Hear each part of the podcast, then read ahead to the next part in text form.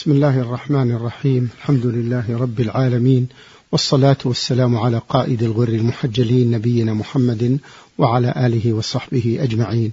مرحبا بكم أيها الإخوة والأخوات في درس من دروس التوحيد للإمام المجدد محمد بن عبد الوهاب رحمه الله. ضيف هذا اللقاء هو فضيلة الشيخ صالح ابن فوزان الفوزان عضو هيئة كبار العلماء وعضو اللجنة الدائمة للإفتاء. أهلا ومرحبا بالشيخ صالح في هذا الدرس. حياكم الله وبارك فيكم. قال المؤلف رحمه الله تعالى باب ما جاء في الكحان ونحوهم. بسم الله الرحمن الرحيم. الحمد لله رب العالمين. صلى الله وسلم على نبينا محمد وعلى آله وأصحابه أجمعين. قال رحمه الله بعد أن ذكر باب السحر وما ورد فيه ناسب أن يذكر من يشبهون السحرة أو يشاركونهم في السحر وهم الكهان ونحوهم. والكهان جمع كاهن وهو الذي يدعي علم الغيب. هذا يقال له كاهن. والنبي صلى الله عليه وسلم حذر من الكهان لأنهم يضلون الناس بما يخبرونهم به يصدقونهم خطرهم عظيم على المجتمع ولذلك يجب القضاء عليهم كما يأتي في النصوص الواردة في هذا الباب على شرهم. لأن من ادعى علم الغيب فهو كافر. قال جل وعلا قل لا يعلم من في السماوات والأرض الغيب إلا الله. قال سبحانه عالم الغيب فلا يظهر على غيبه أحدا إلا من ارتضى من رسول. الرسول قد يطلعه الله على شيء من المغيبات لأجل إقامة الحجة على قومه ومن أجل المصلحة العامة هذا خاص بالأنبياء عليهم الصلاة والسلام. وأما غيرهم فلا أحد يعلم الغيب لأن الغيب لا يعلمه إلا الله أو من أطلعه الله على شيء من الغيب من الرسل عليهم الصلاة والسلام. الغيب ما غاب عن الناس. خلاف الشهادة فهي ما يشاهده الناس. الله جل وعلا عالم الغيب والشهادة يعلم ما يشاهد وما غاب عن الناس بعلمه الأزلي الذي هو موصوف به أزلا وأبدا. نعم. روى مسلم في صحيحه عن بعض أزواج النبي صلى الله عليه وسلم عن النبي صلى الله عليه وسلم قال من أتى عرافا فسأله عن شيء فصدقه لم تقبل له صلاة أربعين يوما. نعم هذا من الوعيد الشديد على إتيان الكهان. هذا عن بعض أزواج النبي صلى الله عليه وسلم. وجهالة الراوي إذا كان من الصحابة إنها لا تؤثر لأن الصحابة رضي الله عنهم كلهم عدول. كلهم عدول وأزواج النبي صلى الله عليه وسلم صحابيات جليلات فهن عدول. فلا يضر إبهام الراوي إذا كان الراوي من الصحابة. روت عن النبي صلى الله عليه وسلم أنه قال من أتى كاهنا يعني لأجل أن يسأله عن شيء فصدقه لم تقبل له صلاة أربعين يوما هذا وعيد شديد في من يأتون الكهان. إذا أتاه مرة واحدة صدقه فإنه لا تقبل له صلاة أربعين يوما وهذا وعيد شديد. يدل على شدة تحريم الذهاب إلى الكهان وسؤال الكهان لأنهم يضلون الناس. نعم. وعن أبي هريرة رضي الله عنه عن النبي صلى الله عليه وسلم قال من أتى كاهنا فصدقه بما يقول فقد كفر بما أنزل على محمد صلى الله عليه وسلم رواه أبو داود. نعم وهذا بمعنى الحديث الأول إلا أنه فيه زيادة عليه. من أتى كاهنا فصدقه بما يقول. الحديث الأول من أتى كاهنا لم تقبل له صلاة أربعين يوما مجرد الإتيان إليه فيه الوعيد أنه لا تقبل صلاته مدة أربعين يوم. هذا خسارة عظيمة. أنه لا تقبل صلاته أربعين يوما. جزاء له. هذا يدل على تحريم مجرد الذهاب إليهم. ولو لم يسألهم. أما إذا سألهم وصدقهم في هذا الحديث أنه كفر بما أنزل على محمد صلى الله عليه وسلم. لأنه لا يستوي إتيان الكهان والتصديق بما جاء به الرسول صلى الله عليه وسلم لأن الكاهن كاذب. قال جل وعلا يلقون السمع وأكثرهم كاذبون. أكثر الكهان كذبة. فكيف يصدقون؟ فقد كفر بما أنزل على محمد صلى الله عليه وسلم. وهو القرآن والسنة. وهذا وعيد شديد على إتيان الكهان خطر عظيم. ففيه التحذير من الذهاب إلى الكهان وسؤال الكهان. نعم.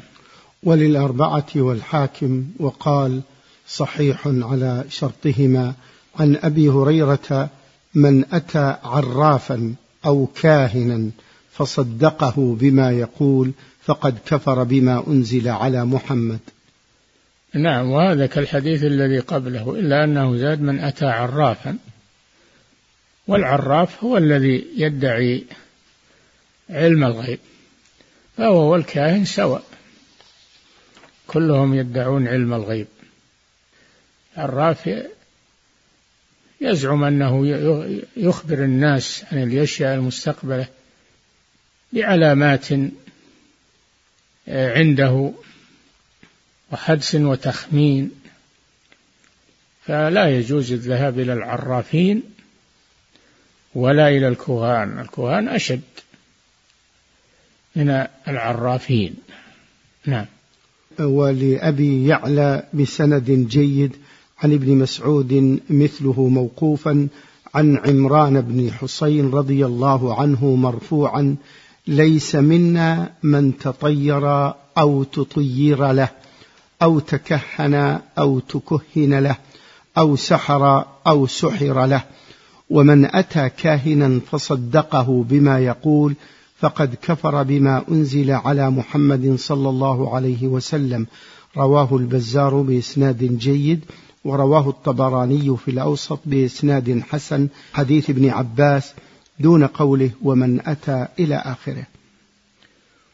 وهذا يؤيد ما سبق من النصوص في تحذير من إتيان الكهان ونحوهم لأن فيه الوعيد الشديد بقوله ليس منا ليس منا. هذا تبرؤ من الرسول صلى الله عليه وسلم ممن يذهب إلى الكهان والعرافين مدعين لعلم الغيب أن الرسول صلى الله عليه وسلم تبرأ منهم. هذا فيه شدة تحريم الذهاب إليهم. ليس منا من تطير أو تطير لها الطيرة. سبق أن التشاؤم بالأشياء من الطيور سميت الطيرة لأنهم يتشاءمون بالطيور في حركاتها وطيرانها. والطيرة شرك كما قال النبي صلى الله عليه وسلم لأنها اعتقاد بغير الله سبحانه وتعالى أن أنه يضر أو ينفع. هذه هي الطيرة تطير سواء تطير بالطيور تشاءم بالطيور تشاءم بالأشخاص تشاءم بأي شيء. هذا هو التطير والمطلوب التفاؤل. ليس التطير والتشاؤم. أن يتفاءل بالخير يحسن الظن في من لم يعرف منه الشر ويحسن الظن به. ويعتمد على الله في إصلاح عقيدته وأنه لا ينفع ولا يضر إلا الله سبحانه. فالتشاؤم فيه اعتقاد أن أحدا غير الله يضر وهذا شرك بالله عز وجل. تطير في نفسه أو تطير له أو سأل المتطير أن يتطير له كلهم سواء. تبرأ منهم الرسول صلى الله عليه وسلم. من فعل الطيرة ومن فعلت له الطيرة. كلهم تبرأ منهم الرسول صلى الله عليه وسلم. وهذا ينافي التوحيد اعتقاد أنه لا يعلم الغيب إلا الله ولا ينفع ولا يضر إلا الله سبحانه وتعالى. نعم. أو تكهن أو تكهن له. أو تكهن يعني يدعي علم الغيب. تكهن. يعني هذا صنيع الإنسان. تكهن أي ادعى أنه يعلم الغيب أو تكهن له أو طلب من كاهن أن يتكهن له ويخبره عن المستقبل وعن علم الغيب كلهم سواء لأنه رضي بهذا العمل حينما تكهن له رضي بهذا العمل وصدق من يدعي علم الغيب. نعم. أو سحر أو سحر له. كذلك يقول ليس منا من سحر أي فعل السحر والسحر كما سبق. آفة خطيرة تصدر من بعض الأشقياء وتضر المجتمعات. قال جل وعلا إنما صنعوا كيد ساحر ولا يفلح الساحر حيث أتى والساحر من المفسدين في الأرض غير عقائد الناس ويهدد الناس ويروعهم. فالسحر خطير جدا. يجب القضاء على السحرة. حد الساحر ضربه بالسيف أو ضربة بالسيف كما سبق. قتل الصحابة عمر وحفصة و وكعب الأزدي قتلوا السحرة.